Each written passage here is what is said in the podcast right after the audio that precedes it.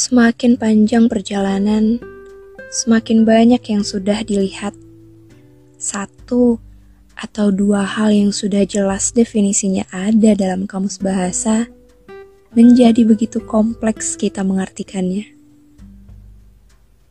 Rumah misalnya. Rumah adalah kata benda yang menjelma menjadi kata berbahaya. Kata yang terkadang sesak, tak punya udara. Rumah ternyata bukan lagi sebuah bangunan yang hanya beratap, berpintu, berjendela, melainkan ruang kedap suara ketika butuh ketenangan.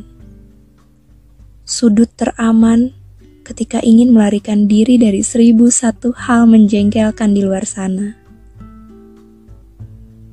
Hamparan terhangat ketika sudah lelah dan menginginkan kepulangan tempat ternyaman untuk tumbuh, untuk berkembang, untuk belajar.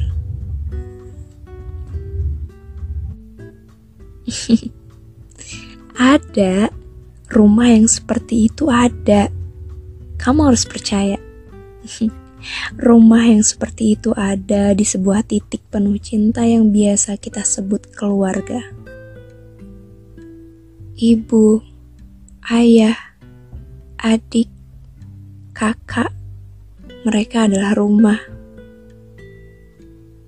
Tapi, bagaimana ya kalau rumah itu ternyata atapnya bolong-bolong, dindingnya retak, pintu dan jendelanya kehilangan kunci, gentingnya jelek, ada angin lewat saja, sepertinya akan terbang, tertiup, berjatuhan pecah.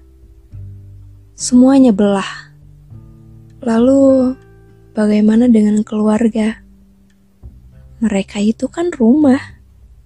Apa mungkin bisa punya nasib yang sama dengan genting yang terbang itu?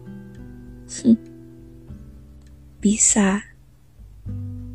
Tapi bukan karena angin kencang, tetapi karena ego manusia yang besarnya melebihi sebuah gunung. Ya, genting yang hancur itu besok-besok masih bisa lah disapukan.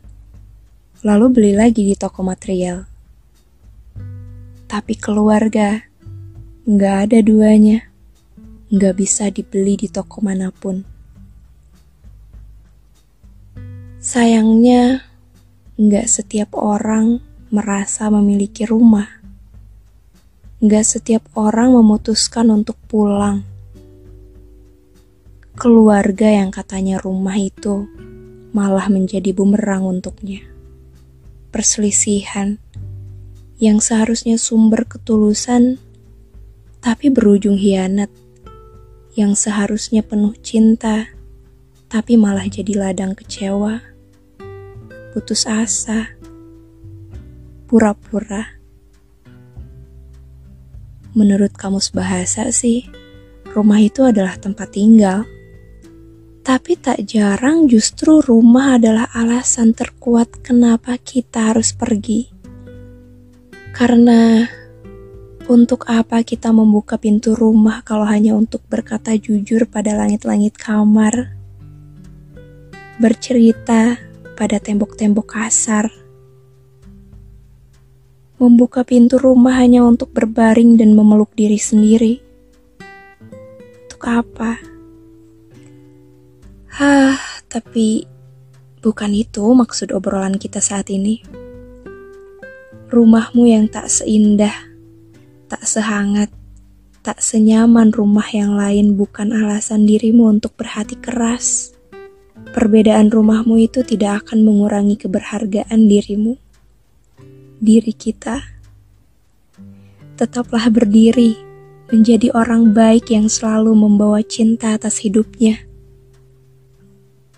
karena kita punya setumpuk kecewa bukan berarti yang lain tidak punya luka.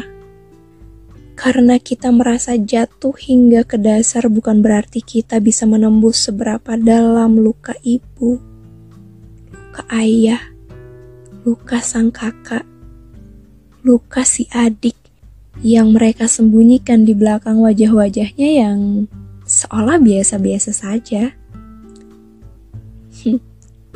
Ketika mata hanya disuruh melihat tanpa mengamati, ya, kita hanya mendapat peristiwa tanpa tahu kebenarannya.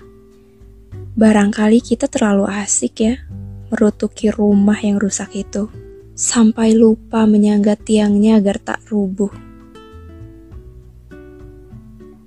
Marah, sedih, kecewa, semuanya boleh, sah-sah saja.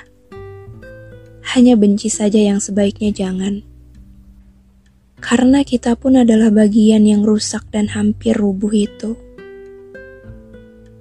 kita pun rumah untuk mereka.